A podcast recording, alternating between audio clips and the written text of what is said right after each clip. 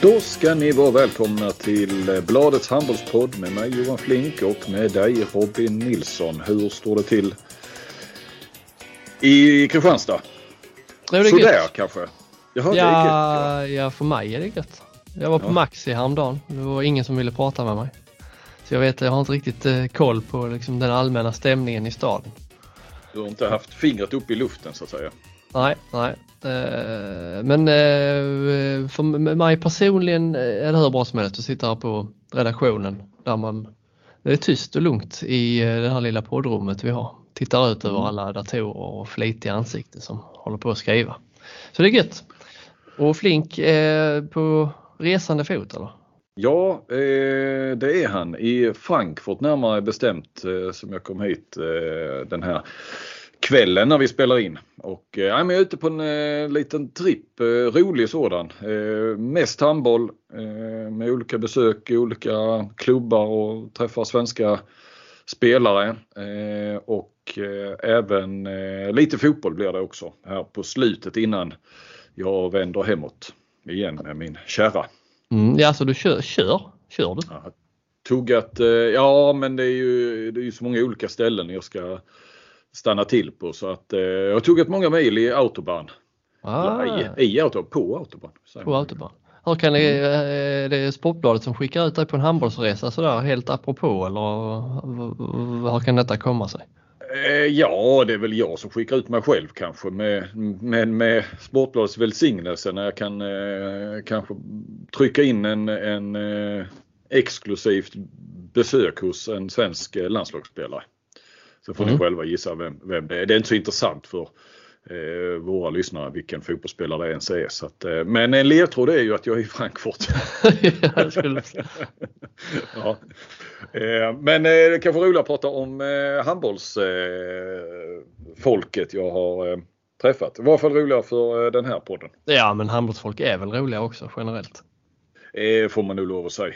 Men jag har jag började med att svänga inom eh, GOG eh, i Danmark eh, på Fyn.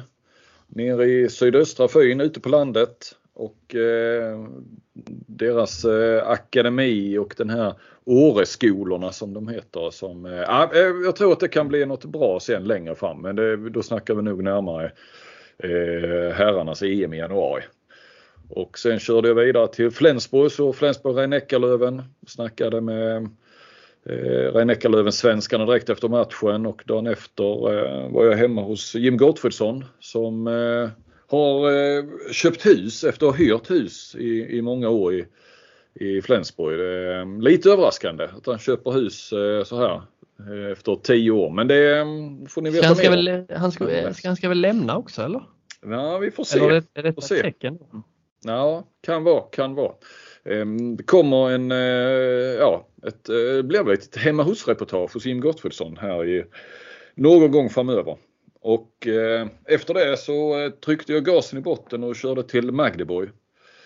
Eh, där jag såg eh, Magdeborg krossa Eisenach och Felix Klar göra 12 mål på 14 skott. Och var förbluffad över hur de spelade försvar, Eisenach, ett bottenlag då. Näst sist tror jag de ligger. Eh, de, de körde liksom någon sorts man-man fast inte särskilt offensivt. Så det var ju rena julafton för, eh, för Magdeborgs spelare. Det kanske inte är det, det, det bästa receptet mot eh, just Magdeborg. Det låter ju lite halvdumt. Ja. Ett sämre lag. Mm. Eh, precis. Så eh, ja, och sen var det intervjuer eh, sen någon dag efter där med svenskarna och Magdeburgs tränare, den mycket intressante Benno Wigert. Benno Weigert. Ja, Ja, det är en profil. ja eh, får, man lov att säga, tog över eh, detta Magdeburg som hans, där hans far då är en, en eh, eh, en, en, en verkligen en ikon, en klubbikon som var med på storhetstiden på 70 och början av 80-talet. Eh, Då vann de väl Europacupen eller för mästarlag. Champions, dåvarande Champions League, Magdeburg, två gånger. Där, eh, ja, andra gången, nu blir jag lite osäker om det var så här 79-81 eller eh, där. Ja, jag, jag och- kan inte påstå att jag kan syna dig oavsett om det är rätt eller. Nej. Nej, men jag borde ju ha det i huvudet. Men det har jag inte just nu. Men, men de tog två stycken där med, med eh, hans farsa Ingolf som eh, också tog OS-guld med DDR. Det måste väl varit 1980 då. Som då, det OS-guldet. Eh, linjespelare och, och en av de stora i DDR-handbollen. För Magdeburg eh, ligger ju i, i gamla, gamla DDR. Nuvarande Tyskland då. Så, ja, det var jävligt. Eh, överflödig information att det ligger i Tyskland. Eh, men sen då så tog de ju också Magdeburg tog ju också, nu, nu ska jag faktiskt ta och titta i mina, i mina Tar han upp sitt eh, A4? Eh, block. kollegieblock.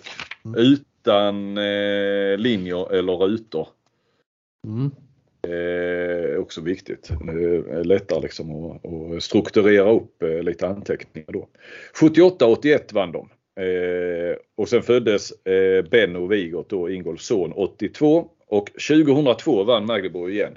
Så här lite överraskande. Det var ju då när eh, Kiel och Flensburg de dominerade rätt så mycket. Då vann de Champions League igen. Då med, med Benno Wigert eh, i laget. Som spelare alltså. Och sen vann de då 2023 igen och nu var han då eh, tränare. Och han är alltså född 82. Han tog över som 33-åring. Tog han över eh, Magdeburg när de var eh, inte så bra. De var väl ett mittenlag 2000, i december 2015. Det känns som att han har strukturerat eller fått in liksom eh, sin idé. Alltså från, Ja. fått, fått börja om helt. Och, Ja, han fick ju ett stort, stort mandat. Eh, blev också eh, alltså, mer som en, så, som de själva pratar om, engelsk manager. Alltså, eh, sportchef också kan man säga och sen har han ju då någon, någon mer på den kommersiella sidan. En, heter det, Geschäftsführer heter det väl här. Eh, som sköter, alltså mer som en VD eller klubbdirektör på det viset. Och så sköter han det sportsliga. Jobbar tydligen så han, eh, han ja, sover, äter, skiter handboll. Eh, Det är väl ungefär så eh, spelarna beskriver honom som. Eh, men, men, eh, du säger Benno, han heter inte Benno egentligen. Han heter ju Bennett. Men vi som känner honom nu kallar honom Benno. Nej. Mm. Vi som känner honom. Ja. men vi satt i en och en halv timme tror jag. Eh, nej men han berättade hur han har byggt det här laget och, och de sista åren har han ju då Alltså, det, ja, jag ska inte berätta för mycket, det ska ju bli ett reportage. Men det är ju intressant hur eh, han bestämde vid hur de skulle spela och sen verkligen, verkligen scoutat spelare utifrån det. Kanske inte de allra största stjärnorna men, men har ju fått ihop eh, ja, det som kanske är världens bästa lag i varje fall. Eh, just nu som vann Champions League och Super Globe och leder Bundesliga. Nu missade, nu vann ju Kiel det i våras men, men de vann ju året dessförinnan. Eh, Magdeburg där. Så att, eh, det är verkligen hans eh, skapelse. Så att, eh, Vill man vara snäll liksom, så skulle man kunna säga att det är han. Alltså det är han som enskild person som har gjort om handbollen lite. Alltså med just det här med mindre skytte, mer mm. 6 meter bollsläpp, eh, timing och alltså hela den, eh, det skiftet i, i spelet. Det eh, var väl han först med eller? Ja, eh, jag skulle nog säga det. Jag menar det här. Alltså när man såg Magdeburg i alla fall första gångerna så, så såg man att det här är ju någonting nytt som jag inte Ja. har sett innan. Liksom. Ja, det har vi väl hört eh, Apelgren prata om i podden här i höstas också. Att eh, den här typen av handboll och att han gillar eh, att, att det är mycket. Eh, han är inspirerad av, av Vigert. Så att eh, nej, det är Eh, in, eh, tyckte jag var mycket intressant och hoppas jag ska kunna förmedla det också eh, till, till läsarna. Så där är vi väl ungefär. Mm. Va, va, du sa att du började i Danmark i GOG, denna plantskola som man hör mycket om. Vilka, kan du veta vilka två spelare i Kristianstad som är därifrån från början? Ja, alltså som i vadå? I, nej men, en- i dagens Kristianstad? Mm. Eh, ja, då borde väl Klöve vara därifrån. Nej. Eh, nej, och nu står det stilla. Vilka, vilka fler danska? Viktor Bang. Ja, Viktor Bang, ja det är fan. Det visste jag för han har jag sett på en lista. och Laura Egert i damlaget. Ja, ja, ja, ja vad lurig den är på Ja. damsidan. Mm, mm. Vad, vad tar du med de här dagarna du har varit iväg nu då? Vad, vad har varit eh, det bästa och sämsta? Eh, ja, mycket som har varit, eh, mycket som varit bra såklart. Alltså träffa spelarna. Gottfridsson alltid intressant. Prata liksom allt möjligt med egentligen i ja, men, snacka om regler, fyra Eh, de här alltså fem stegen som blir vanliga och vanliga eller skjuta med kontakt. Han, har liksom, ja, han har ju alltid åsikter om mycket, varit med länge och mycket tankar kring, kring allt möjligt. Eh. Men eh, och, och sitta ner med Vigot också. Och, var ju också. Och, och träffa de andra svenskarna. Eh, det, GOG och det också var också tror också kan bli bra grej sådär. Sämsta, eller ja det måste vara pressfikat. Eh, ja det var ju två matcher då i Flensburg och Magdeburg. Det är ju ändå rätt så, eh, ja det är ju två av världens bästa handbollsklubbar och så vidare. Men det var otroligt fattigt eh, tog ju någon bild där i Magdeburg när jag kom dit. Rätt hungrig också. Kom alltså, körde ju i princip, ja, jag körde fem timmar i sträck från eh, Gottfridssons hus till Magdeburg för att hinna för att vara där. Eh, ja, då var jag där en timme innan men eh, det, det blev perfekt. Eller inne i hallen kanske tre kvart före. Och då ligger där eh, en liten skål med små äpplen.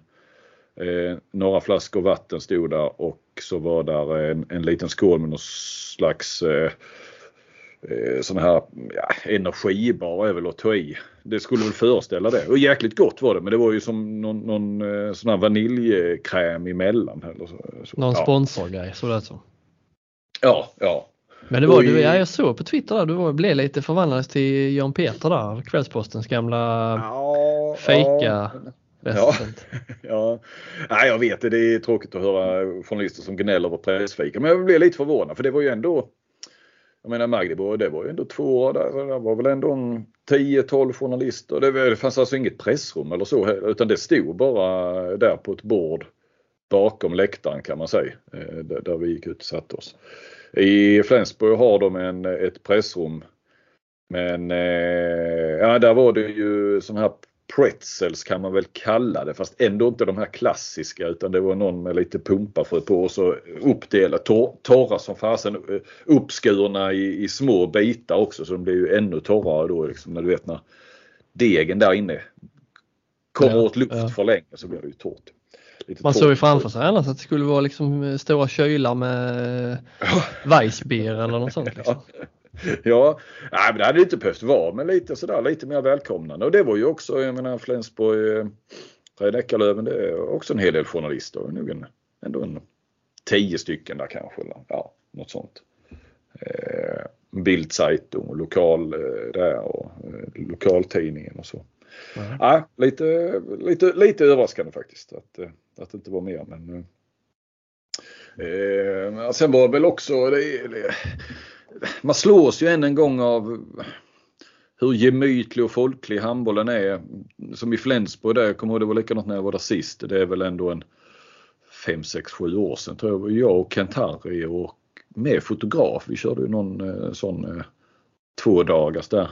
Mm. Eh, när man skulle prata med spelarna efteråt så ja, de hävdade då några journalister som brukar vara där och även se någon sorts eh, pressvärd att eh, man skulle ställa sig i ena hörnet som, eh, när man skulle prata med spelarna. Men, men jag vet att den hörnet, det var helt dött i det hörnet. Jag gick och tittade.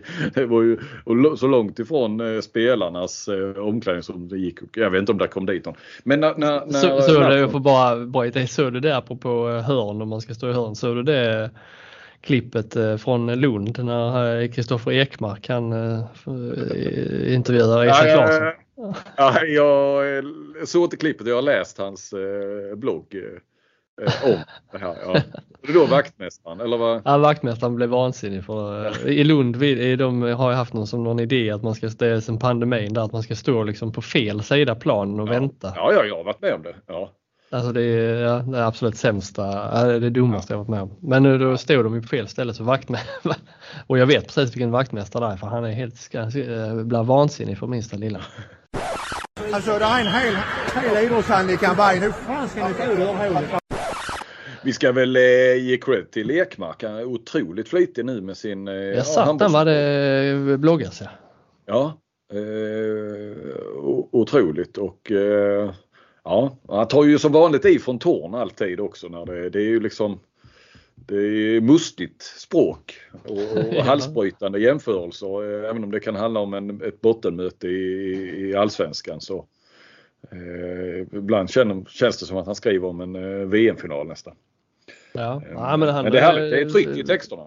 Ja, och han har många poänger tycker jag på senare tid Ja. som han har skrivit under på. Absolut. Eh, men men eh, jo, efter matchen då i Flensburg så, så eh, ja vi vet hur det brukar vara. I Kristianstad vet ju du och kanske lite landskamp och så. Nu har det varit lite problem under pandemin och sådär. Men alltså hur barnen kommer ner efteråt och spelarna kommer ut och, och, och stretchar och, och lite sådär. Och det, ja, det kommer ner lite fruar med, med, med och, och, och spelarnas egna barn. Och, det är lite klubbfolk och sådär. Ja. Tänk dig då detta fast allting upphöjt till 10 i Flensburg. Alltså jag, jag, jag tror det, liksom det, det välde in ungefär 200 pers tror jag på, inne på arenan. Eh, och det är ju ändå stora idoler då ju så att eh, de får ju, det är ju 10 minuter, en kvart, de får stå och skriva autografer och ta selfies och spelarna gör ju det eh, liksom prickfritt så att säga. Men eh, som journalist så, där så vet man inte riktigt, man är helt vilse och, och, och försöka hitta spelarna man vill prata med i den här röran och så också. Men det, det sen vill, man inte, inget- sen- vill man väl helst inte tränga sig förbi något litet barn som eh, Nej. vill ha en selfie. Så "Ah, va, nu ska jag ha intervju. Ja, nej precis. Utan, Inte men- som, men du gjorde, liksom- inte som du gjorde på handbolls-VM när du höll på att välta tre kvinnor i trappen på vägen ner till pressrummet. Fan, de måste fortfarande vara traumatiserade de stackars damerna. Ja, men då hade man bråttom ner till mixade där ja. Du är inte lika burdus när du är där. Nej, tyst. det är jag inte. Det är jag inte. Men så vill man ju ändå, alltså, ja.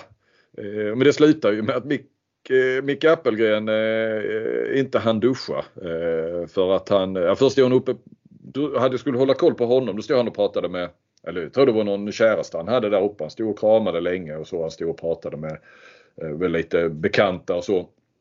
Kan gissa att det kanske någon som hade liksom från Sverige tagit sig till till Flensburg eftersom det är ju liksom bland de närmare matcherna för, eh, om man ska se Rhein-Neckarlöven då.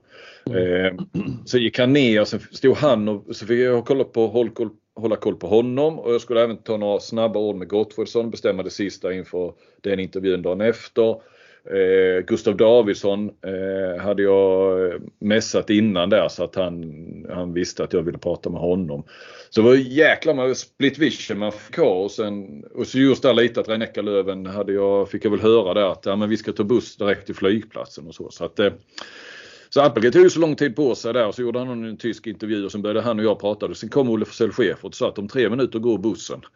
Eh, så då fick han ju springa och sen gick jag med Olle ut eh, vid bussen och, och, och tog, vi ska snart lyssna på det, eh, lite, några snabba frågor där och då kom ju Apelgren, då såg jag, han hade inte hunnit duscha, då kom han ju bara slängt på sig någon jacka och, och sprang ut till bussen. Jag pratade med honom lite mer sen på telefon. Och då. Det är ju böter och sånt där också han ville, han ville undvika. Mm. Men eh, nej, så att eh, så. li- Lite mer uppstyrt i, i Magdeborg eh, var det. Det var inte riktigt samma invasion där på, på innerplan och så. Eh, Mixad zon? Eh, Ja, eh, de hade liksom i gången där, där körde de presskonferens med Oj, båda oj. tränarna efteråt. Det gjorde man även i Flensburg med, med tränare, eller det vet jag man gjort tidigare men jag var inte där uppe i den lilla pressrummet för det, då hade jag inte hunnit med det, jag skulle nere på planen. Men eh, här fick man då och sen så fick man önska spelare och så gick de och hämtade dem så man stod liksom ändå i, i en skyddad verkstad där i någon slags, eh, där de hade haft presskonferensen i det utrymmet eller så. Mm. Eh, båda presskonferenserna sändes ut i, i hallen. Alltså ljudet i varje fall i Flensburg. Magdeburg vet jag inte för då stod jag där inne där presskonferensen var. Om det var även var bild på någon jumbotron. Ja det är bra, det vet jag att vi eh, det snackades om i Kristianstad när, då när det var presskonferenser här med att det var på gång att de skulle liksom eh, dra igång det. Eh, Ja. Sen, sen blev det ju pandemi och ja, Vranjes kom och ja, det hände lite saker där som grusade de Ja. planerna. Men det är Ja. rätt coolt ju. Mm, mm. Vilket föredrar Eh. du? Intervjua, är det inte, får man inte mer känsla, liksom mer spontana intervjuer när spelarna står ute bland folk och så än att de ska liksom eh, gå och hämtas och vandra till och sen hinna fundera på vägen och bla, bla, Ja, man gillar väl det där med att man tar dem Ja. direkt ute på planen och så. Ja, absolut, absolut.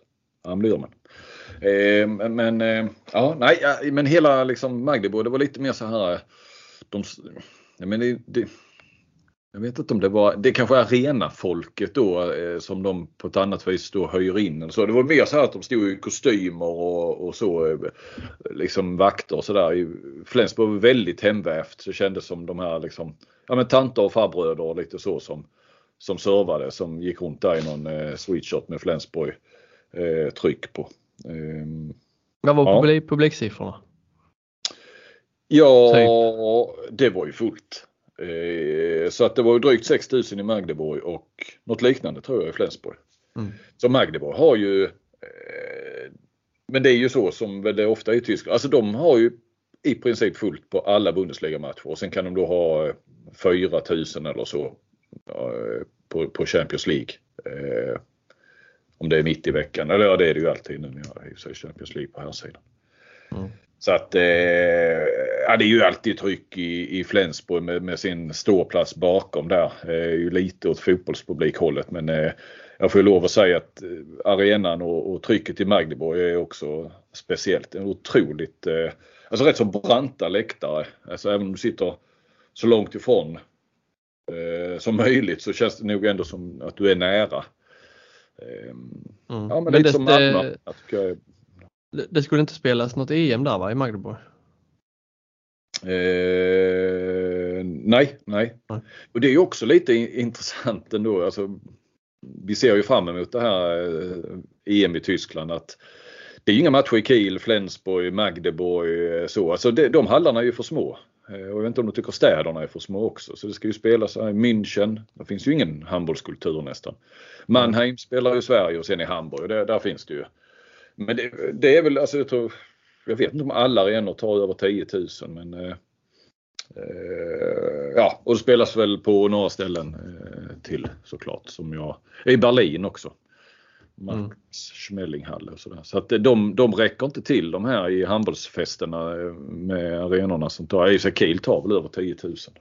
Men du, hade, du, du passade på att göra lite, du liksom tog ditt ansvar för podden också och mm. körde ett race. Ja, men vi snackade ihop oss lite där innan med tänkte det, det här måste vi utnyttja i podden eh, också. Att få in något moment när man ändå är ute och träffar så mycket folk. Så att eh, vi eh, lyckades väl formulera fyra eh, intressanta frågor eller som förhoppningsvis ska ge lite intressanta svar. Eh, mm. Tycker vi själva. Lite kort och rappt och, men ändå liksom talande tycker jag. Mm. Ehm, så de fyra frågorna kan vi väl dra här så ska ni sen, ni får allting på ett bräde. Vi kom fram till här att det är väl det bästa sättet trots allt för att liksom hänga med vem som svarar och sådär. Så, så, så, ska vi försöka spalta upp det lite grann för det, det kommer bli många svar från många olika. Det, det är alltså sju spelare som eh, sju svenska proffs i Bundesliga som eh, jag har eh, ställt de här frågorna till. Ja, vi kan ju ta dem. Det är från Rein Eckerlöven så är det Micke Appelgren. Det är Olle Forsell Schäfert och eh, Gustav Davidsson. Ja, Gustav Davidsson precis eh, skrivit Gustafsson här när jag skulle göra min lilla matris med, med svaren. Den som, du, var, den som du var så himla nöjd och stolt över att du hade gjort en matris. Ja, så jag tog en bild och skickade över till dig och så kunde du inte läsa en bokstav av vad jag hade antecknat i Nej. mitt vita kollegiebok. Och så tog jag Gottfridsson, Flensburg och från eh, Magdeborg, eh, Bergendal, Daniel Pettersson och Albin Lagergren. Jag, jag missade faktiskt klar. Eh, jag tog, honom tog jag direkt efter matchen och eh, jag missade faktiskt det här momentet. Det retar mig lite grann men eh, vi har ju ändå sju stycken eh, eh ja, våra bästa spelare. Och de fyra frågorna eh, som vi har ställt till dem är vilket topplag skulle du helst spela i om du inte spelar ditt nuvarande lag? 2. Vilken spelare i handbollsligan skulle du vilja värva till ditt lag? 3. Vilket topplag i Europa spelar den bästa handbollen enligt dig? 4. Eh, vem tycker du är handbollsvärldens intressantaste tränare just nu? Och du får inte säga din, din egen tränare. Eh, ja. Mm. Ja men då säger vi väl bara att det blir 9 minuters lyssningsgodis då kan man säga med de här svaren från de här spelarna. Det, det, när jag har lyssnat igenom det och jag, det är härligt är det. Härligt. Så de kommer här. Ja, och så, ja. Mikael Appelgren, vilket topplag skulle du helst vilja spela i om du inte spelade i, i Rhein-Neckarlöven? Uh, just nu så hade jag nog eh, kunnat tänka mig att spela Ålborg faktiskt. Tycker de är väldigt uh, spännande med både hur bra det går för dem och att det har varit intressant att spela med Niklas Sandin som målvaktskollega. Mm. Vilka spelare i handbollsligan skulle du vilja värva till Rhein-Neckarlöven? Jag känner nog att vi skulle behöva in kanske en Olle Mittun i vårt lag. Uh, han skulle nog kunna röja runt lite här i Bundesliga och få in lite, uh, lite fart och tempo och en mot en dueller hos oss också. Vilket topplag i Europa spelar den bästa handbollen enligt dig? Ja, det här kommer ju göra lite ont att säga då, men man ska väl vara ärlig. Så jag tycker att Magdeburg har en, ja, det är en viss typ av handboll som eh, är effektiv. De vann ju Champions League förra året och jag tycker att de har en väldigt spännande säsong nu också med, med de spelare de har. Och vem tycker du är handbollsvärldens intressantaste tränare just nu? Och du får inte säga din egen tränare. Ja, och just det här definitionen är intressant. Men någonting som jag tycker är väldigt intressant och det är att följa Jonas Kjellmans tränarkarriär. Jag har ju bara spelat med Jonas eh, och inte haft som tränare än. Eh, i alla fall. Men uh, han, är, han var fantastisk tyckte jag när jag hade med honom att göra i landslaget. Både som lagkapten och spelare och hans taktiska input och sådär. Just med hans skolning både i Sverige och Spanien. Och, så där, den, den resan kommer att vara väldigt intressant att följa. Han är ju lite inne i, i landslaget också väl nu. Lite assisterande så mm. i ligalandslaget. Jajamän. Jajamän. Jajamän. Så att eh, Sverige ska kunna dra nytta av honom också kanske. Ja, det är bra. Oskar Bergendahl, vilket topplag skulle du helst vilja spela i om du inte spelade i ditt nuvarande lag? Då hade jag nog valt FC Barcelona. För att? Eh, främst, det är något mindre belastning. Eh, det är ett topplag. fantastisk stad att spela i. Eh, historiskt fantastiskt bra lag. Eh, så det är väl, ja det är det. Vilken spelare i handbollsligan skulle du vilja värva till ditt lag? Eh, Kim Andersson tror jag. För att? Nej, men rutin, eh, duktig, håller den. Eh, hade kunnat bidra. Tror jag passar bra in i vårt lag med lite skytte och sådär. Men mot vi har så många duktiga i duellspel så tror jag han har varit riktigt grym att få in med lite skytte. Vilket topplag i Europa spelar den bästa handbollen enligt dig? Ja, det gör vi oss själva, ja. skulle jag vilja påstå. Eftersom vi vann sist. Eh, och har gått som tåget nu det sista, så det, det är oss själva. Vem tycker du är handbollsvärldens intressantaste tränare just nu och du får inte säga din egen tränare? Nej, men för att Sebbe så säger jag nog Niklas Krika och Flensburg. Eh, för jag har haft honom tidigare och vet vad han går för och har lyckats med i princip allt han har tagit sig an än så länge. Daniel Pettersson, eh, vilket topplag skulle du helst spela i om du inte spelade i ditt nuvarande lag? Mm. Jag skulle nog, jag skulle, om du inte fick välja Magdeburg så skulle jag nog säga eh, Barca. Jag gillar deras sätt att spela den spanska stilen. Den snabba handbollen och ja. Vilken spelare i handbollsligan skulle du vilja värva till ditt lag? Um, då skulle jag säga Sävehofs uh, Ole Mittun. Uh, intressant spel, speltyp med många, en riktig lirare och duktig en mot en.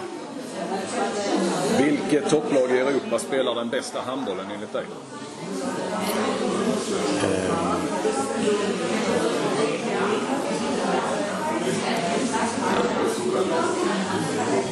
Bäst handboll? Eh, så det är...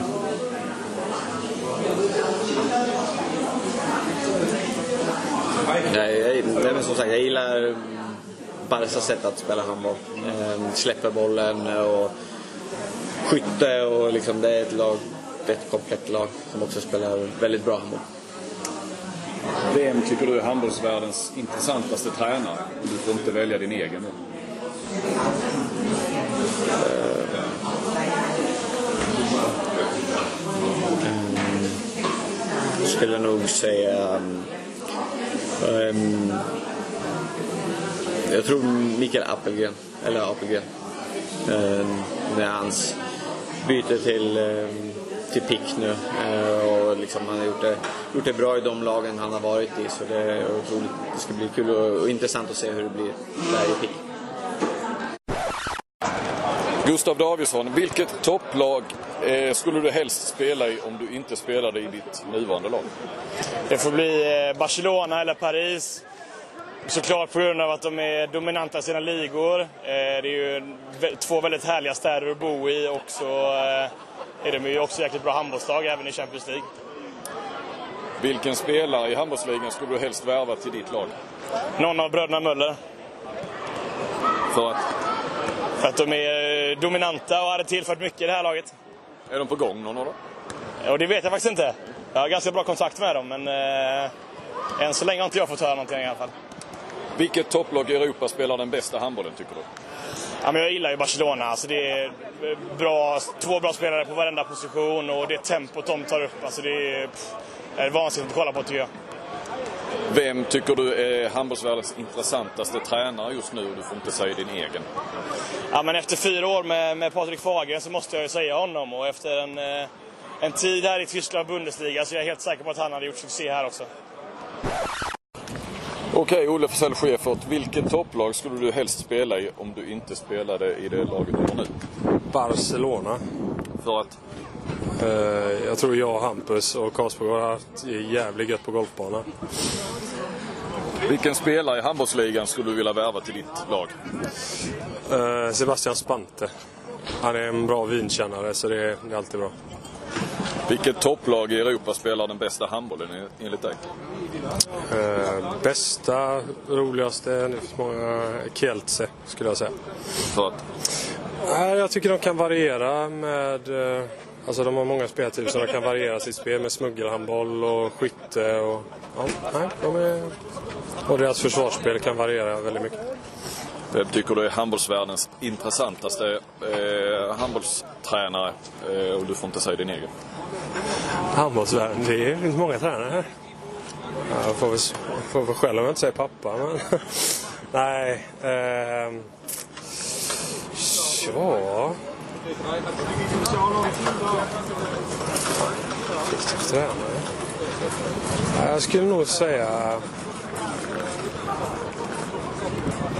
Alltså Tallant, det är ju ett mysterium honom. Dushibayer. Det är jag vet inte om han är arg eller glad men jag skulle nog säga Tallant då. Jim Gottfridsson, vilket topplag skulle du helst spela i om du inte spelade i ditt nuvarande lag? Uh, FC Barcelona lämnade lite regn och rusk bakom mig. Vilken spelare i handbollsligan skulle du vilja värva till ditt Flensburg? Uh, jag tar rygg på Davidsson där och säger någon av bröderna Möller. Uh, men jag tycker Simon framförallt för att det är alltid roligt med unga målvakter. Tycker jag. Se hur de kan ta sig. Vilket topplag i Europa spelar den bästa handbollen enligt dig? Magdeburg, helt klart. De har bäst bollsläpp, bäst individualister och alltid. Det känns som att de verkligen tar situationer från den de ser på matcherna som gör att de blir svårslagna. Vem tycker du är handbollsvärldens intressantaste tränare just nu? Du får inte säga din egen tränare.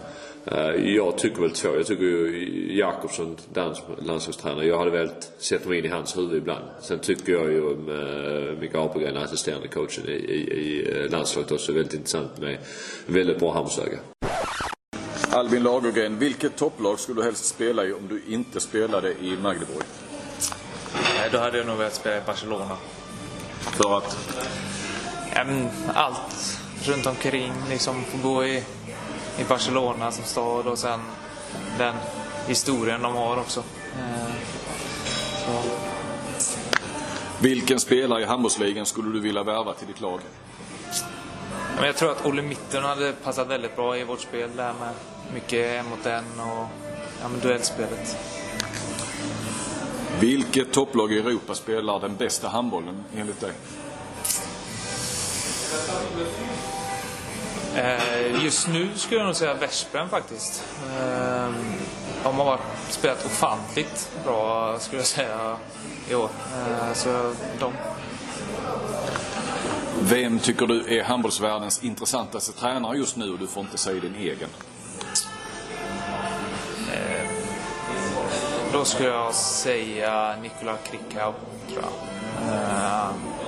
Jag tycker att han har intressant intressant filosofi och spelsätt som han också kör på väldigt mycket. Yes, Flink. Här finns mycket att grotta ner sig i. Många talande, konstiga, eh, ärliga ja, och härliga svar. Var vill du spela? Eh, var en av frågorna då. Eh, Barcelona sa de flesta. Alla utom en va? Vad säger ja. din matris? Micke Appelgren eh, svarade Ålborg. Ja. Han det var ju lite liksom... snack om, eh, han var ju där och tittade på någon match då här för, eh, var väl under förra säsongen och det började spekulera sig om, om han skulle till Ålborg. Men sen slutade det, tror jag nog med att han förlängde med Eckerlöven istället. Kanske han ångrar idag, de är ju tre målvakter som skiftar om lite och, och jag pratade med honom och han vill ju, vill ju gärna spela lite mer och det känns som EM-platsen för hans del hänger lite löst. Han var inte med nu i senast när Solberg valde två stycken bara så, så var det ju Palicka och, och Thulin och det Visst, han kan ju bli trea där att de är tre och, och, och, trots, sin, trots sin ålder vara nummer tre. Eller så satsar han på någon yngre. Ja, jag snackar lite med Appelgren om det. Det kan vi ju kanske kommer en text framöver. Mm. Men resten då Barcelona ja. Ja och det var inte för Visst, de har ett bra lag men annars var det, det är ju rena latmaskarna och sightseeing. Eh, eh, liksom Bergendal, ja, mindre belastning i Barcelona. Aha, grymt. Härlig stad. Davidsson han vill sightseeing, han vill till Barcelona eller Paris för det är härliga städer. Eh, Olle Schäfert vill spela golf med Hampus Wanne och Karlsbogård. Eh, Gott, Gottfridsson vill eh, bort från regn och rusk och finare väder. Eh, Lagergren, allt, allt runt omkring i Barcelona. Det är fan eh, handbollsspelare ibland, man blir inte klok på dem. Spela handboll. Men det, det blir det inte lite, jag, jag kan ju förstå dem också. Alltså, ja gud ja, herregud. Jag ja. har tänkt på samma sätt men det är bara så ja. fascinerande att man, ja.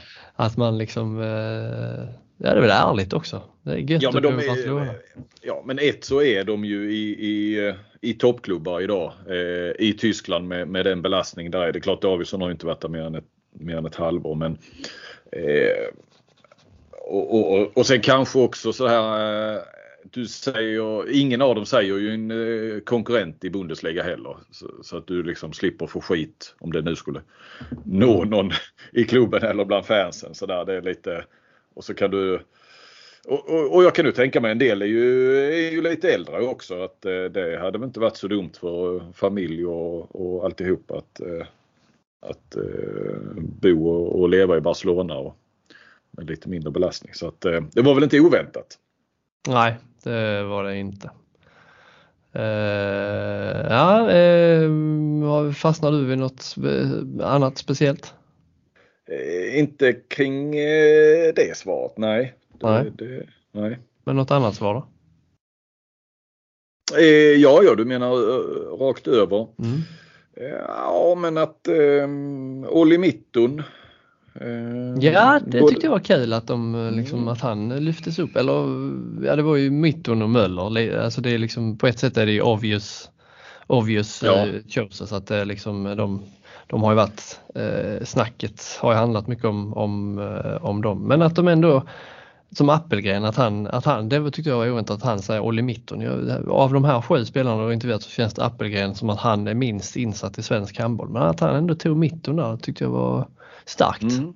Mm, mm. Um, ja, och plus då två Magdeborg-spelare, Daniel Pettersson och Lagergren säger också Olli Mitton och eh, känns väl som man skulle kunna Eh, eller på tal om mitt och nu, eh, Eh, Kiel, Kiel går tungt. Eh, hörde i avkastpodden att eh, eh Chilagi och Pekkela och, och Gish har varit ute lite sådär och, och gått på de yngre spelarna och de har inte riktigt Kiel-DNA och, och sådär i sig. Det är rätt så uppenbart att skippa Göt. Eh, jag vet inte. Jag var ju så här lite, kommer han att passa in där? Eh, och så kändes det som att jag var helt fel i den spådomen man såg i början på säsongen ju när han gick in och dominerade nästan direkt och så tänkte man att ja, ja, men det är klart en, en, en så duktig handbollsspelare passar ju in överallt. Eh, men nu mm. börjar man ju bli så här lite ja, han kanske skulle varit, alltså att han skulle passat bättre i Magdeborg. Jag trodde att det var dit han skulle. Eh, mm. Och de, det var väl på tapeten också. Men, men Ja, vi får se. Det kanske blir kusinen istället. Sen är ju då Olle Forsell chef. Det, det, hans svar där och även lite Barcelona-svaret. Men det är ju lite, det är lite som om eh, pappa Ulf skulle ha svarat då. Han, han sa ju Spante för att eh, han är vinkännare så att han skulle få det. Eh, det skulle vara gött att ha någon att dricka vin med. Han tänker inte mycket på handboll när han inte är på planen känns det som. nej, nej. Um, sen var det väl eh, bästa handbollen. Eh, en hel del Magdeburg, lite Barcelona. Kielce, Olle Forsell som också vill, tycker Duce Bajev är eh, intressant tränare. Eh, mm. Vesprem, inte... Lagergren tycker du? Ja, var, att, att Lagergren sa Vesprem var det mest, eh, där, där, där hajade jag till. Ja, ja. Alltså det, av, av alla lag, alltså stora Champions League-klubbar, så eh, har väl Vesprem varit kanske det mest utskällda de senaste fem åren. Alltså mm. sättet de mm. spelar och uh, presterar. Så, och att Lagergren av alla sa det också. Ja, det stämmer inte liksom. Nej. Ologiskt. Nej, mm. ja, men sen att alla som Barca är väl mer fjäsk då eftersom alla vill spela där så måste man säga då att det, de spelar bäst. Ja, och, och några kanske vill undvika att säga någon tysk eh, konkurrent också. Men det gjorde ju både Appelgren och, och, och Bergendahl och Gottfridsson svarade ju faktiskt Magdeburg. Så att, mm. Eller ja, Bergendahl svarade ju faktiskt. Han var den enda som svarade egna lag. Jag vet inte om de andra liksom hamnade in i, för det fanns ju vissa förbehåll då på ett par andra frågor att de inte fick säga eh, sitt eget lag då eller sin mm. egen tränare. De, de kanske fastnade i att de tänkte att man får inte säga sitt eget lag. Eh, som kanske fler i Magdeburg hade sagt annars, som Lagergren till exempel. Eller mm. DP. Ja. Bergendahl, så Kim Andersson var också lite att han ville, mm. hade velat värva honom till Magdeburg. Det stämmer ja. inte heller in. Det är inte riktigt Magdeburg-profilen. Nej. Nej, det är det ju inte. Det är det inte. Men då är klart, de har ju Damgård på andra sidan som bryter mönstret lite och är lite så X-faktor. Så att eh, Bernadotte kanske är lite trött på de här små... Eh, Han vill ha fler inspel från högerna. ja precis, de måste gå ut lite och smälla på och ge lite utrymme till honom. Mm. Eh, Intressanta tränare var väl intressant också? Ja, alltså. Ja, det var det kanske. Eh, du, du, du, tänker på Kricka och att många gillar honom? Eller? GG tidigare, Flensburg nu. Ja, det var ett par stycken. Eh, par som säger Apelgren, Gottfridsson och, och eh, DP. Eh, ja, det är sant. Det, det, det, där får man ändå stanna Flink med. Ja. Uh, Gottfridsson och det, alltså det är, de tänker inte på det men jag reagerar lite när de när de säger det, när de har liksom Apelgren som förbundskapten eller som ass förbundskapten och sen har de en förbundskapten som de då totalt sidsteppar i detta. ja, så det är väl ändå liksom bekräftar någon bild man har liksom. Ja. Eh, att de ser honom som som intressantare än Solberg. Ja. Apelgren som tränar liksom eh, taktikern då och, och Solberg är mer ledaren. Ja. Kanske. Vad hette den nu? Han är den här fyron. Vad hette det? Geschäftsführer. Ja men, det är mer, ja men det är väl mer affärsmässigt så. Ja, ja det är han kanske inte riktigt då, Solberg. Eh, Ulf Schäfert dök upp också. Som den mest spännande mm. tränaren just nu. ja, det, det var något. ju hans, hans pojke ja, som menade att om han inte säger det så får han skit. Ja, ja då blir han glad Schäfert. Ja, ja. Eh, ja, nej men det var väl eh, det var lite sammanfattning av alla de här svaren. Hade du något på Krikau eller? Nej, eh, jag pratade med honom också eh, efter Flensburg där. För jag pratade GOG där. Han var ju där i flera år. Han är ju inte därifrån från början. Han är ju från den andra liksom starka ska man säga, akademin i Danmark, Skanderborg. Ja. Eh, han ser ut ja. som en riktig dansk tränare. Ja, ja. Ett och, och handbollsnörd sådär. Ja, och nörd, ja. Mm. ja. Stöddig? Eller? Stöddig i stilen? Nej, nej, nej, nej. Nej. nej. Och prata? Nej, inte alls. Tycker du han eh, ser stöddig ut? Ja, det kan väl jag säga. Han lyssnar inte på detta. Jag tycker han, jag har stört mig på, på honom länge när man ser deras matcher. Tycker han ser irriterande ut. Men det, det, det är synvilla. Ja, det får, det får jag skjuta ner totalt faktiskt. Mm. Eh, ja, han var riktigt bra att snacka med. Eh, känns som eh, hade liksom koll på grejerna, tydlig och, och så. Ja. Då kan jag lägga det bakom mig. Det kan du göra. Eh, sen har jag en liten eh, en, en, en, världens kortaste quiz. Alltså det är en fråga bara. Ja. Eh, vet du vilken eh, känd, mycket välkänd svensk handbollsspelare som har ska man säga, stått lite modell för eh, Jan Guillous eh, agenthjälte Carl Hamilton. Den skrevs ju då på 80-talet. Så att, eh, eh, känd svensk handbollsspelare. För Hamilton är ju eh, före detta handbollsspelare, alltså inte proffs men ändå spelat elithandboll eh, i, i, i böckerna. I, innan han blev eh, den här super, superhjälten. Alltså som då det ska stämma in lite på någon slags personlighetsdrag och så. eh. Ah, nej, det, ja, det, ah, det vet jag inte riktigt. Men, men det här fick jag från eh, Claes Hellgren som hade snackat, eh, som jag fattade som rätt så nyligen med Fredrik Belfrag eh, som han tydligen då kände sen eh, sin tid i, på 80-talet i Heim då, Hellgren. Då hade han väl lite med Belfrag att göra. Han var ju på, på TV-sporten i Göteborg där eller ja, lokal-TV eller vad man ska säga. Han och Oldsberg var det mycket. Och eh, då hade Belfrag och jag vet att Belfrag har varit eh, så säga, konferencier på bokmässan på, på Geos eh, förlag eller Geos frus förlag, Piratförlaget tror jag det heter. Mm. Så att eh, så, så Belfrag hade berättat detta för Helgen, vem som, som han hade hört från Jan Guillou, vem han liksom tänkte på när han eh, Men något, något måste det då vara som eh, Hamilton har som en handbollsspelare har. Eller vad, vad, på vilket sätt Ja. liksom? ja, Det förtäller Jag inte historien. Nej, men jag, det kan. För det kan väl helt- inte vara Claes jag- Hellgren själv? Nej, nej, nej. Nej. Nej, det är en utspelare. Och jag tror, jag, jag har för mig att någon, i någon av böckerna står det vilken position eh, Hamilton spelade på när han spelade handboll. Ja, vad stod det då i så fall? Ja, men säger jag det så blir det ju jättelätt för dig. Ah, alltså det- 80-tals handbollsspelare. Lite före jag klev in i bilden. Men jag, du, du menar att det är Ja, ja, eh, linjespelare. ja. Per Carlén. Ja, ja. Per Carlén är alltså Hamilton. Ja, Ja, det kunde man ge sig fram på. Ja, men det, det är väl helt rimligt. Ja, ja, han var ju en av de eh, stora där på, på, ja det var han ju in på 90-talet också såklart.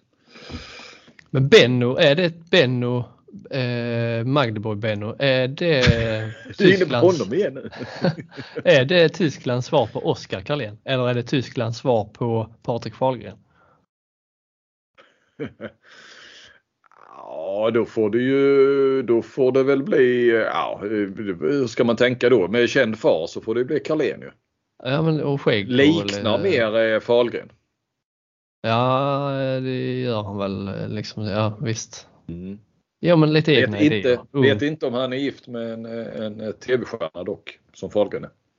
Nej. Ja, Det tror jag inte att han är. Han bor, eh, bor ute i skogen. Utanför Magdeburg. Skogshuggare, Jag ja, det kunde man Jag behöver tystnaden. Han har två, eh, två döttrar och eh, fru. Kan, han- inte, gå, kan inte handla i, i, inne i Magdeburg. Kan inte gå på stan i Magdeburg. Så stor är han. Alltså. Måste vara jobbigt ju. Ja. Han åker till Leipzig och handlar istället. Men du sa ju här eh, att han hade koll, liksom, han kollar på svensk handboll också, Benno. Ja, han eh, eh, älskade Apelgrens jobb i, Sävehof och, och liksom sättet de spelar på och så. Och sen så drämde han till med Alingsås också. Eh, gillar Alingsås. Eh, och det Av någon särskild anledning eller bara? Nej, jag skulle komma mer med följdfrågor. Men vi kom in lite på, på Sävehof. Eh, Sa jag lite så där. Men, ja, men vi kallar det liksom mini-handboll i, eh, i Sverige. Att den, de spelar den typen och så. Men, men Alingsås så, nej, borde kanske eh, bättre om de förtydliga lite. Eller så är det att han har både Klar och Bergendal och menar att har, har Alingsås fått fram eh, Ja, de är inte där från, från början men de blir ju elitspelare eller så. Toppspelare, landslagsspelare kan man nästan säga. Mm. Båda i Alingsås. Så det är kanske det han liksom mer refererar till att två så som han tycker då, eller som alla tycker väl, bra spelare eh, har kommit från Alingsås så att då måste man göra bra, göra bra grejer där. Mm. Så sa jag Kristianstad, så vi pratade lite så om olika spel och sådär. Så sa jag, ja så Kristianstad, men det, det är en annan grej sa han. Det var liksom inte... Alltså han såg väl den här eh, släktskapet såklart mellan Magdeburg och Sävehofs sätt att spela. Och vi, vi hörde ju Apelgren lyfta eh, Vigert också. Eh, Mm. i en tidigare podd i höstas. Ja. Så att, eh, jag vet inte riktigt. Alingsås är väl inte riktigt så Magdeburg spel. Nej, det inte. Nej, ja. ja, men det är kul. Kul och det känns kul på något sätt att han eh, har hyfsad, eller att han i alla fall följer och vet vad som händer i svensk handboll. Det är roligt. Ja, men jag tror att han, eh, just att han, han scoutar ju så jäkla mycket spelare och så. Eh, han berättade att, eh, vad heter han, Magnusson på högernio där. Så han ju redan. Omar Ingi.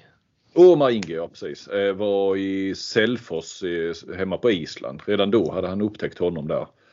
Men han eh, tog väl inte honom förrän han var väl i Ålborg någon sväng innan han kom till Magdeburg. Så att jag tror att han är väldigt så ute, och, eller ute, men att han, att han har en jäkla omvärldskoll för att han har det ansvaret också att, att värva spelare. Så försökte jag fråga honom om han, för han sa ju också då när han skapade det här spelet och lite så att det, det handlar ju lite om ekonomi också. Eh, att de hade inte så mycket pengar, de måste liksom hitta sitt, sin väg fram också på något vis. Och, eh,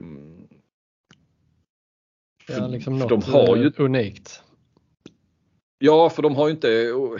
Men så, så försökte jag väl fråga, men jag tror aldrig jag fick riktigt bra svar på det. Att men idag så kan du väl nästan välja vilken... Alltså, om du, de som passar så kan han verkligen ta de bästa, alltså få de bästa. Men jag fick inget riktigt svar på det. Att, eh, eh, men jag menar han lockade ju en sån som Felix Klar eh, som passar perfekt och, och, och jag menar Klar måste ju haft anbud från många andra klubbar. Men annars det är ju inte det att han de har ju fortfarande inte, alltså många har ju blivit, får man väl säga, världsspelare efter att de kom till Magdeburg. Mm. Ehm, Det, det, det är inte så att de har de största stjärnorna, alltså varken Pytlik eller Gitzel gick ju dit till exempel. Eller eh, eh, jag menar PSGs stjärnstall eller eh, Barcelonas på det viset. Det är ju spelare, men jag menar, det känns som Gitzel hade väl passat, eller Pytlik också, hade väl passat bra in i Magdeburg. För den delen. Ja men det är roligare att han kör på dem än inte de helt givna. Alltså att han Nej. håller den eh, myten vid liv. Om man, Ja men det är ju om vi tänker på målvakter så har de eh, Portner då eh, Schweiz målvakt. Eh, med, med rötterna i Jugoslavien. Hans farsa var ju storspelare där på 80-talet. Har inte med saken att göra precis. Och eh, en, en eh, spanjor som jag inte hade. Som, han kom ju från Benfica nu då. De hade väl han Jensen då, dansken innan som inte som inte ens har varit i närheten av eh, danska landslaget eller mästerskap med Danmark i varje fall. Så att, alltså brukar man ju snacka om målvakt att du, jag menar, ska du, ska du vinna Champions League så där du behöver ha Landin, Vargas eller Wolf eller så. Eh, inte heller där på den viktigaste positionen som inte är kanske på samma sätt beroende av ett sätt att spela utan du hade kunnat slänga in Landin där ju tycker man ju. Lika Mm.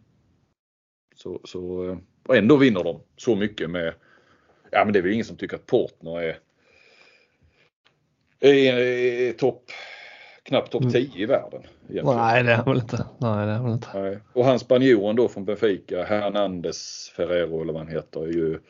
Ja, jag såg någonstans, han- han har en del landskamper och han var väl med sist tror jag.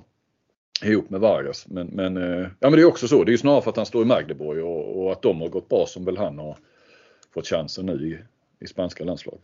Mm. Ja, ja, ja, ja, Daniel. Pettersson var jätteglad. Eh, får fira jul hemma för första gången sedan han flyttade eh, till Magdeburg 20... Ja det gäller ju Gottfridsson också väl gissar jag första gången på 10 år. Han flyttade ännu tidigare. Därför att eh, nu är det hemma-EM så att eh, nu, de spelar ju alltid på annandagen är det väl och möjligtvis den 27 kanske. Ja, ja, hemma, hemma som i Hemma igen. Tyskland hemma. Nu, nu, ja, ja, nu ska Gislason eh, samla dem redan i mellandagarna, tyska landslaget. Så att då eh, stänger de Bundesliga-butiken redan eh, 22 tror jag. Så de var ju jätteglada eh, och får ju, ja de får ju fyra dagar mer hemma.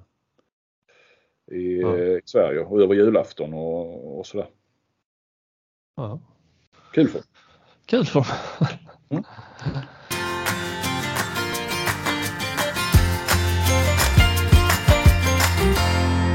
Ja, Flink. Eftersom jag är poddens utsända i Kristianstad så... Ja, vi har skickat dit dig Ja, denna veckan. Mm. ja. Eh, och det känns väl som en rimlig vecka att ha mig här för att eh, det skrivs i någon form av historia här nu. Eh, nu har de förlorat, Kristianstad har förlorat sex raka matcher. I handbollsligan, Svenska cupen, European League. Det har alltså inte hänt sedan 2010 när de var spelade sitt andra år efter återkomsten då i elitserien. Sex raka matcher och kan man se det på två olika sätt att ja, det är lite taskigt att ge- göra den jämförelsen nu när de har eh, många Europamatcher men man får ju ta med sig då att de har inte förlorat sex raka, de har spelat i Europa eh, sju, åtta år. Har aldrig hänt. Champions League. Mm. Eh, Champions League har aldrig hänt. Så att eh, det är ju, det är ju, det är ju annorlunda tider här nere, det kan man ju säga. Mm. Eh, till detta då så kom ju, det har väl eh, de flesta eh, sett eller hört eller läst att eh, det ska sparas och det ska inte sparas så lite heller. Det ska, spelarbudgeten ska minska med 3 miljoner nästa säsong. Och i handbollslig i Magdeborg hade det väl varit mycket också egentligen. I Barcelona kanske inte så mycket. Nej, men jag, jag fattar. Du har en poäng. Ja. Alltså i de flesta svenska klubbarna hade det ju varit eh, liksom undergång. Nu är det inte undergång i Kristianstad men det är ju rätt mycket alltså. Man kan väl säga om 3 miljoner ska väck i ett, över ett bräde så eh, liksom, eh, ja, vad alltså det är svårt. Till och med jag tycker att det är svårt liksom. Ja, vad betyder 3 miljoner? Alltså hur mycket är det av den totala budgeten? Men det, det vill de inte säga vad de har i budget men man kan ju få en liten fingervisning om man tittar i i årsredovisningar. sånt har de personalkostnader på någonstans mellan 19 och 20 miljoner och så har de eh, Ja, de har lite anställda på kansliet, lite andra övriga ledare och sånt som, är, som eh, får lite pengar. Men eh, säg att det ligger eh, om eh, personalkostnaderna är 20 miljoner så säg att spelarbudgeten är 15 då. Om vi gör en sån uppskattning. Eh, minst 15.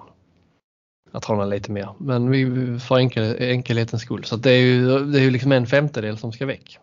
Ja. Och hur, hur löser man detta då? Ja, det är ju det man eh, alla går liksom och väntar på nu, hur, hur det ska gå till. 3 miljoner. Inte så många spelare som har utgående kontrakt. Eh, Hallén och Helt Jepsen är väl eh, kan jag tänka mig de som har mest betalt liksom, eller som man vet Mm. har, har mest betalt. Men eh, banker har utgående liksom. Men det, det, och, det funkar liksom inte att tar du bort alla dem så måste du ju in ersättare på i alla fall ett par av de positionerna som, som försvinner. Och även om du inte hade tagit in ersättare så hade du inte sp- sparat in 3 miljoner. Man kan säga Cederholm är väl den Cederholm eller Helt Jepsen har, eh, har mest, mest betalt. Räkna att de har eh, över en miljon om året. Så det är tre sådana spelare. Mm. Det är, det, det är en lurig ekvation hur, hur det ska gå till. Liksom. Ja, Helt Jepsens kontrakt går ut. Alltså han kommer ju. Han kommer de inte förlänga med såklart. Eh, och inte Hallén heller. Och så bör de ju göra sig av med Cederholm. Kan man väl misstänka. fast alltså, det... det- är väldigt mycket skador. Och... Ja, han är, han är dyr i drift. Alltså dyr Ja, det är inte lätt. kostnaden Ska ha en per match. högerny. Ja. Och hitta en bra högerny är ju inte billigt. Alltså det, det, ja, nej det går, det går kanske på ett ut. Du, tjänar inga, du sparar inga pengar på det. Nej, de kommer inte göra sig av med Cederholm heller. Han är liksom för viktig och det kommer inte hända. Kan jag inte tänka mig. Nej, nej. Eh, Men eh, liksom de har målbilden eh, som det är ju liksom ha en etablerad spelare och sen andra valet på varje position ska vara liksom antingen egen eller yngre förmåga som är up and coming nordisk talang liksom som inte kostar så himla mycket. Men på högerna har de ju Anton Hallbäck som jag ju gissar då, han förlängde då för ett år sedan. Han, han har inte dåligt betalt kan jag säga. Alltså det är en väldigt dyr position den högernian och han har då kontrakt till 2026. Mm. Så, eh, Ska han då vara, ja. ja. Nej, jag, jag, så som jag ser det så sitter de ju i en riktig rävsax alltså. Jag, och samtidigt så då som de, ambitionen är fortfarande att eh, det ska vinnas SM-guld och så här. Och jag funderat mycket på det här alltså men jag får inte Ja. ihop det hur det ska, hur det ska gå till. Om det nu, sen vet man ju aldrig liksom 3 miljoner, ja och så går man ut med det är ärlig med det och så får man, eh, liksom är det sponsorer som, men så här kan vi inte ha det. Vi går in med lite mer. Eh, Det, så skulle det ju kunna bli. Men det, jag Så tror inte skulle att, det väl. För, det får man ju ge Kristianstad att, att det har ju inte hänt på, på rätt många år nu det här. Alltså det kan ju verkligen finnas sponsorer som eh, ja, som sponsrar annars också men som vi har ju också eh, klubbar där, där eh, den här typen av givmilda sponsorer får göra så här vart nästan känns det som var tredje eller femte år eller så. Att, och, och till slut så kanske man tröttnar på det men det här är väl första gången det händer på, på ja vi får väl gå tillbaka till där början av 2000-talet eller i alla fall en 15 år eh, Mm. innan det var, eh, sen det var några sådana räddningsaktioner där. Så nog kan det finnas de som är, har varit beredda eh, att göra det här och, och om det skulle hamna där att man Mm. gör det. samtidigt kanske- det, det är ju liksom ingen lösning heller. Ja, för vad leder det till? Jo, det leder ju till att, Ja det är konstgjord andning ja. ja, alltså att lönerna fortsätter att vara uppblåsta. De har ju, liksom, de har ju för dyra löner. Samuelsson sa ju det själv att det här är den dyraste truppen de någonsin har haft. Mm. Alltså jämför då med vad de hade för, alltså nu var inte Björnsen och Salvan, de hade inte slått igenom när de var i Kristianstad, men jämför det med liksom den, den det året där 15-16 när de hade Sullivan, Björnsen, Jamali, lag, alltså hela det, jag ser dem också, men alltså hela, det, hela den truppen, att denna de har nu är alltså dyrare. Alltså det är liksom, de har för dyra kontrakt. De senaste åren har det ju blåst upp till, man hör ju liksom helt hårresande liksom löner på, Ja. på spelare. Liksom. Det, får man då in mer pengar, det, man måste ju förändra ändå liksom, om det ska hålla på sikt. Att, Ja men det kanske ändå kan mildra raset lite grann. eh, Ja. De Jo, kan det fortsätta kan vara liksom- topplag och så får man liksom och sen Fasa nästa år ut. igen så, så fasar man ju ut spelare som, vars kontrakt går ut och så. så Mm. Det kan ju vara ganska, sen gillar vi inte det med den här konstgjorda andningen att de går in och, och så. Men, men det, man, man kan ju faktiskt förstå att eh, det är en lösning. Eh, det skulle bli en mjuklandning istället för Ja. någon slags eh, fullständigt ja, utrensning. Skulle det nästan behöva, behöva bli. Hur det nu skulle gå till med liksom, man kan inte bara hitta kontrakt här som helst. Spelarna vill väl, det är liksom eh, omtyckta spelare. Alltså, det, det finns så mycket att ta hänsyn till här. Eh, Tränaren eh, har ju åsikter, eh, sitter med i sportteamet med Stian och Uffe där. Liksom. Det, de vill, det ska, ju, ska man ha liksom en ambition att vinna måste man ha ett slagkraftigt lag också. Men vilken tur att de, får man säga så, ändå att de tog guldet. Visst, det har ju uppenbarligen kanske kostat för mycket men att det ändå blev ett guld. Tänk om de har missat det och, och sen stått inför detta då. Hela den här satsningen som man ändå får säga, det har ju ändå varit en ny satsning kanske de sista två åren då. Inte, eller tre. Ja, två, hade det, två skulle man säga för de, de gjorde ju liksom en uttalan när de hämtade hem Cedorn där att nu går vi för Mm. guldet. Nu Ja. kommer vi att satsa mer pengar på, på A-laget. Sen blev det ju för mycket pengar då. Eh, Men, Ja, ja, eh, jo, men det blir men också ett gav guld. Det blev ett guld, ja precis. Mm. Och, och det var det kanske värt. Eh, Om man tittar tillbaka, om fem år när man tittar tillbaka så var det kanske värt det. Ja. Alltså Men jag det- tror inte att, att de rasar rakt ner i något sorts, det gör de inte som RIK och Lugi och så. Alltså det, eh, som sagt, ja men är, RIK är väl en sån annan där, där ändå folk har fått gått in och rädda under de senaste åren hit och dit på olika sätt. Det, Mm. det, Det är ju ingen Ja. sån, det är ju liksom ingen eh, liksom så akut ekonomisk kris och de eh, kommer ju att hålla budget i år och, och säkert gå med lite vinst. Men, eh, men eh, så det är inte, det är inte den sortens, det är mer någon slags självbild som riskerar att hamna lite på sned. Jag har ju noterat att ändå att det känns, alltså skadeglädjen i handbollssverige inte är så, man skulle kunna tro att den skulle vara stor när eh, det här händer i Kristianstad, liksom sportsligt och ekonomiskt och så. Men det känns som att den inte är det. Den var nästan större kanske efter den förra där, dynastin och, och eh, när Vranjes tog över. Och, och som var ett stort namn och, och sådär att, att då var det nästan en större skadeglädje än nu. Och jag, jag vet inte om det har lite med att när alla, liksom, nästan alla klubbar sliter med ekonomin och, och att man nästan blir så här lite nedstämd när tänk att det inte ens är IFK Kristianstad, även om du nu har på ett pedagogiskt och, och bra och med koll eh, förklarat att, att eh, det är en för stor och dyr trupp och då, då får man skylla sig själv på många sätt. Ju. Men att, att, ja, men det har ändå varit lokomotivet på många sätt även om man inte har vunnit guld men, men ändå en ändå överlägset stor publik även om den också har, har sjunkit och, och så, så. Så är det nästan lite så här att, folk, ja, att man tappar tron lite. Att om, om inte ens om Kristianstad hamnar i det här läget, var, var, var finns hoppet för svenska klubbar då? Mm. Eh, ja, Nej, Hammarby lite, har ju det, något det, eget på gång sådär men, eh, ja.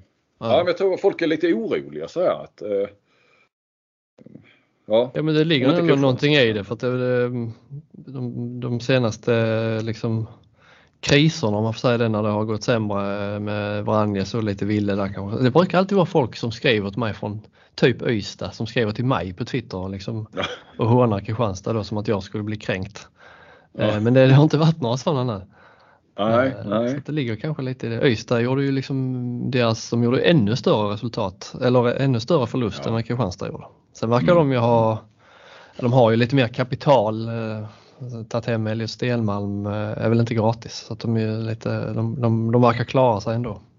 Jo men det är ju också, det är ju på, på som jag fattar det, alltså gynnare i, mm. i, i Ystad och man kan väl tänka sig att det är, vad heter han, Ingmar Svensson till exempel som det, det är ju byggt, det är också någon sorts, ja men som vi är inne på lite konstgjord andning på sitt sätt. Även om han är ju såklart oerhört stabil sponsor och gett dem den här klubblokalen och ja, det är ju, han ligger ju bakom det Alla stora egna kapitalet. Alla löner i Ystad kommer inte från Ystad IF kan man väl säga. Utan de kommer från lite olika ställen. Ja, men det kanske man nästan kan säga om var och varannan klubb i ja, sig. Ja, ja. Uh, men det, det, det, det, det som är kanske ännu jobbigare med Kristianstads läge nu, inte bara det här sparpaketet utan det är ju hur det faktiskt har sett ut sportsligt med den här truppen då som man inför säsongen ju trodde, jag var ju, trodde ju definitivt det liksom, skulle gå rent hus här. Mm. I alla fall under hösten eh, med SM-guld, eh, fått behålla hela laget stort sett, kanske kryddat till med bättre lag på pappret än i fjol. Medan som vanligt konkurrenterna tappar sina bästa spelare. Så var det mm. någonting som, som var bra med den här liksom lite äldre åldersstrukturen så var det att där är inga spelare som ska som riskerar att bli proffs eller som kommer försvinna utan de är här för att det är liksom lite slutstation. Mm. Uh, och det gör ju det lite, tycker jag, att det är liksom än mer uppseendeväckande och ännu mer vi var inne på det lite, eller jag var inne på det lite i förra podden, att det är liksom svårt att riktigt se någon förklaring till det här. Vad det är som, alltså spelarna kan man bli så mycket sämre på ett halvår. Omotiverad. Ja, det, det, vi står lite kvar där och stampar kan man säga. Mm. Mm. Ja, och man kan ju tycka nu Filip Henningsson borta var eh, året ut och, och han saknades och Klöver var sjuk här mot Önnered. Men, men visst, och Önnered är ju på gång och gjort det bra och, och så men, men att de ändå förlorar. Ja, men liksom förlorar. De har mött Önnered tre gånger den här säsongen redan. De har förlorat två och spelat en oavgjord. Ja. Hade, de mött, hade det varit ett slutspel så hade de ju varit rätt illa på den. Liksom. Och åka ut mot Önnered det är ju det är, även om det är bara i kuppen eh, så var det inte direkt något man såg framför sig. Regerande mästaren. Missar historiska Final Four. Ja. ja. Men, men hur är det, är det inte, du tar inte ordet kul i din mun så för det låter inte så bra men det är, det är väl också en intressant tid eh, som ja, det är bevakar vi i Kristianstad ju.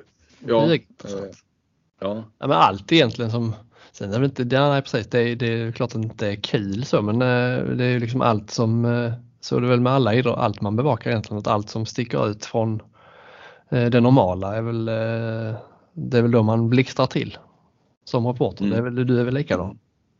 Ja, ja, ja, ja. så fungerar man. Så det är klart att det, när, det, när det händer sånt här, när det pågår sånt här så är det klart man eh, eh, är extra vaken. Jag tog faktiskt in, för det är det som är liksom det folk undrar och det jag undrar egentligen och det alla, alla undrar ju vad, vad är det som, varför ser det ut som det gör? Varför, varför har man förlorat sex raka matcher? Varför, det, har inte, det har inte hänt på 13 år liksom. Varför händer det nu? Uh, så jag tog in uh, Daniel Snell. Vi har väl pratat lite om honom, handbollsdata-grundaren, mm. den här sajten. Mm. Jag har använt mig av honom också, gjorde slutspelet senast. Mm. Eh, som, vad kan man säga om handbollsdata, Flink? Eh, ja men det är ju Schnell då, eh, bror till eh, Schnell i kantspelaren i Malmö. Men gillar ju siffror och för ju statistik och för väl i varje fall förra säsongen ett litet krig med, med Gensel och, och så här kring statistik och vill eh, ja och Gensel vill inte använda sig där för de sitter i lite avtal med Gilsén. Nej, jag ska inte in på det nu för nu är jag inte så uppdaterad kring, kring det. Säger man bara fel så får man nog skit ja, från någon. Ja. Nej men det är en statistiksajt för uh, handboll, inte bara handbollsligan utan alla divisioner egentligen. Uh, där man kan få uh, det liksom överskådligt och fint och det finns ju ingen statistik alls att få tillgång till i serierna under handbollsligan så där är det ju magiskt. Ja precis och bygger väl på, på matchprotokollen egentligen där och sen kan han ju bygga vidare på när det gäller handbollsligan, damer och herrar, så är det ju... Eh, ja men han, han eh, strukturerar ju upp eh, det material som finns. Där, där det finns lite mer statistik också ju, kring mm. de ligorna. Ja, alltså jag frågade honom, eller jag bad honom lösa problemet till mig och till alla andra som undrar. Vad är det som gör att Kristianstad går åt skogen just nu?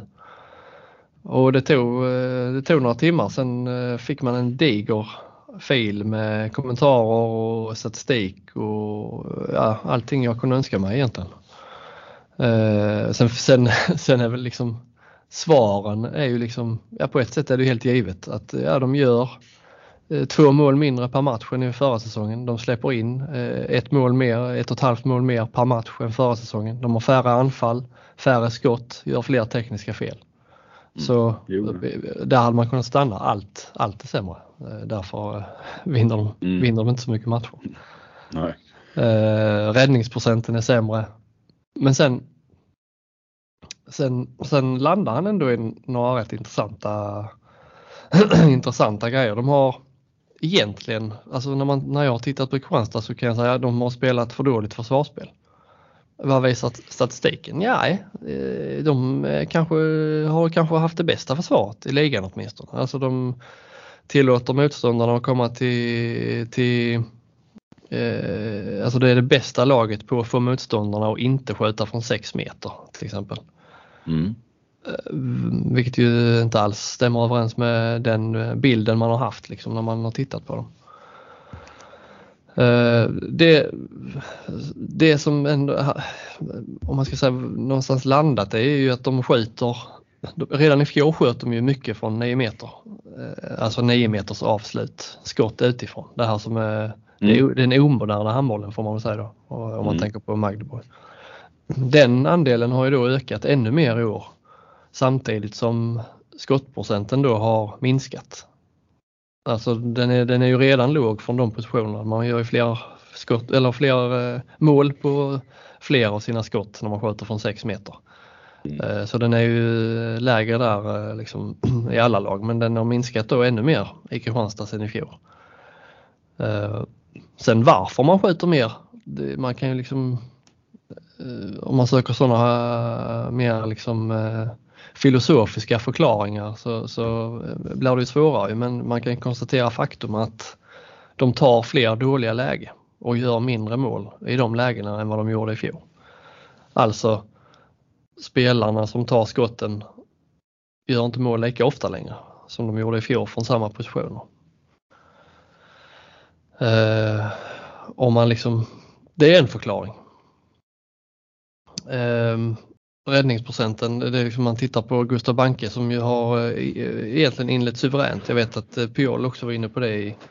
i ja, 37 procent va? Ja, ja, jättebra start på säsongen. Ändå har liksom eh, räddningsprocenten minskat trots att de har bättre försvar eh, statistiskt än i fjol. Ja, har eh, Bang fått stå lite för mycket då för Kristianstads bästa. Kan man förstå att man vill ha in honom liksom i laget så men, men eftersom den totala räddningsprocenten har minskat samtidigt som en av målvakterna har ökat sin procent så, Mm. så är det uppenbart att det är ett felval. Ja, Och så då, ja naturligtvis, det som alla har pratat om. Som det, och det får man ju ändå landa i att det är en förklaring. Eh, tekniska fel på en eh, nivå som man inte har sett innan. Nu är de alltså uppe i över i snitt då i bara i ligan. Sen har de gjort ännu fler i, i Europamatcher, kanske även i cupmatcherna. Men i snitt i, bara i ligaspelet gör de alltså eh, mer än 10,5 tekniska fel per match. Vilket ju är rätt mycket, det är liksom två tekniska fel mer per match än förra säsongen. Mm. Så det är vad beror det på? del. Ja, vad beror det på? tro. Mm. Men med samma... Min tes, är ju, min, min tes är ju att när det väl har börjat, jag tror det var Anton Hallén som också var inne på det, att det är liksom när man väl har börjat titta på det här och, och analyserat det och börjat prata om det så har det nästan blivit ännu värre. Mm. Att när, Ja, det blir det- som en mentalt nästan. Ja, ja, ja, ja för, för mig är det den enda förklaringen. Alltså att, det, det, med- att det sitter i skallen. Att, eh, och det, det är egentligen samma alltså med resultaten där. När det väl börjar gå lite dåligt alltså vill man liksom eh, både i matcherna och, och liksom i ligan generellt att när det väl i matcherna då när det börjar gå lite dåligt så vill man gärna eh, hämta igen det eller eh, åtgärda det så snabbt som möjligt och så blir man liksom inte riktigt klar i skallen utan allt ska gå lite för snabbt.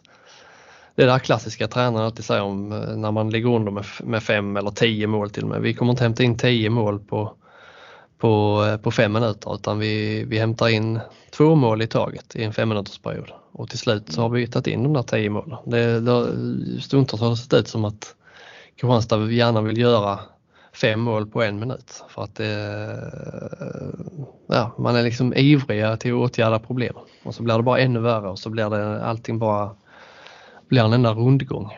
Mm. Rundgång, ja. för ordet. För att använda handbolls. Ja. Det är många rundgångar i Kristianstad också. Ja. Ja men så Ja. det, det han landade i allra sist, snäll var ju, det, det är med andra ord glasklart eh, sa han här. Eh, Kristianstad behöver eh, höja nivån i försvar och anfall. Så, Det är ju, ja, mm. det är också lätt att säga ju. Men, men visst, det, Ja. så, så är det säkert. Men det Sen frågan kommer ju liksom eh, det, det, de sta- statis, statistiska förklaringarna når ju bara eh, en viss bit. Liksom. Man kommer inte ända fram. Med, man skulle behöva ha liksom eh, 100 handbollshjärnor av eh, Bennus klass för att liksom verkligen, Benno var det va? Ja, Benno. Benno. För oss som eh, känner. Ja, men han, eh, 100 Bennus skulle behöva liksom titta på Ja. alla matcher och sen för att kunna skriva en av- avhandling om vad det är egentligen. För det är så ja, det är, det är liksom, Handbollen är, är enkel sport ibland men det är också rätt komplext när man försöker analysera så som vi har försökt göra nu.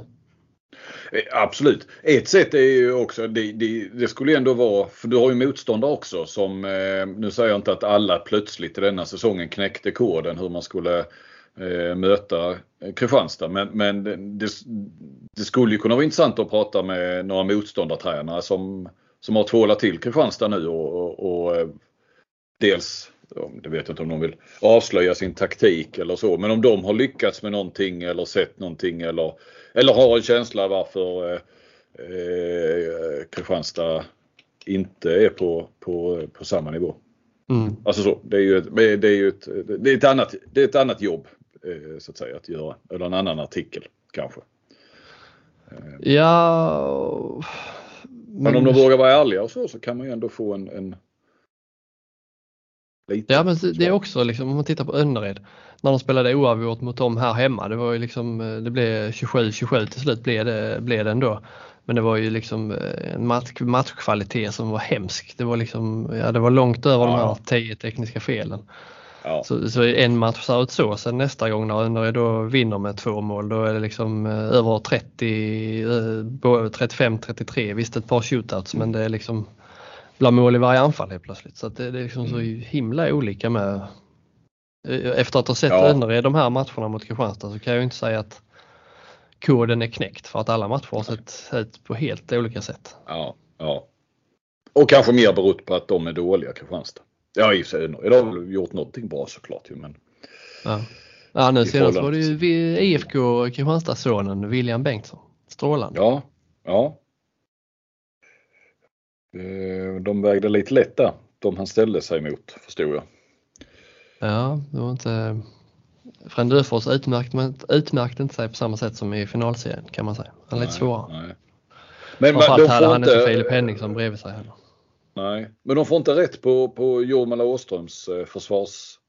För det pratade ju redan Villa om efter något år där ju att nu ska vi bara få honom eh, spela framåt och bakåt eller hålla framåt och bakåt så, Mm.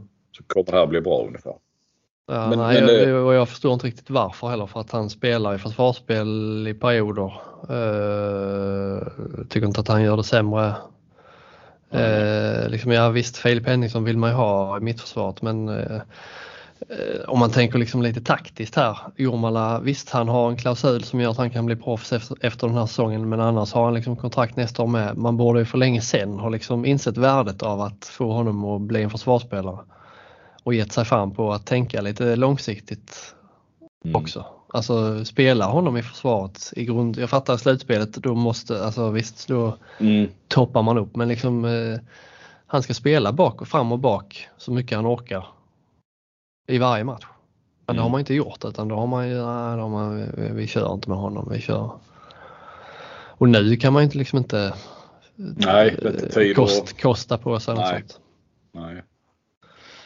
Alltså det är, ett, eh, det är ett svårt läge eh, men det är kul att följa. Eller kul, det är intressant att följa.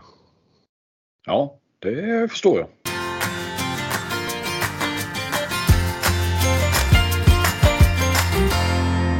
Eh, då så Flink. Det här var egentligen bara en eh, förpodd då till vad som komma skall. För det blir ju en VM-podd nästa vecka var vi väl överens om.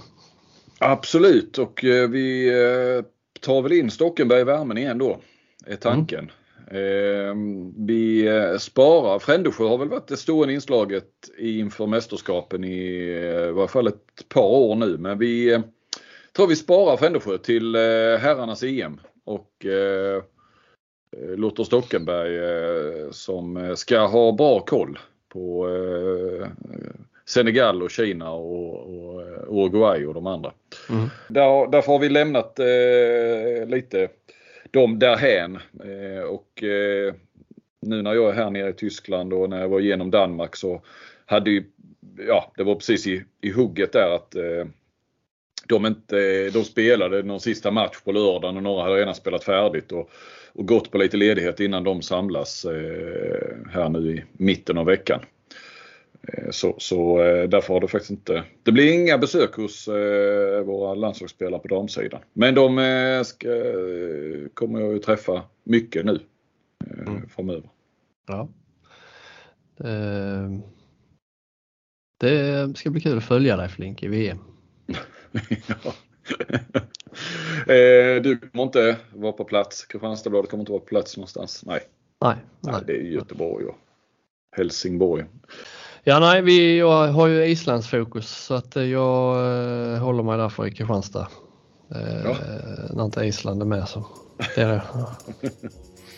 Ja, ja det är bra. Eh, Tack för idag. Tack för, ja, tack för att ni lyssnade. Hej på er.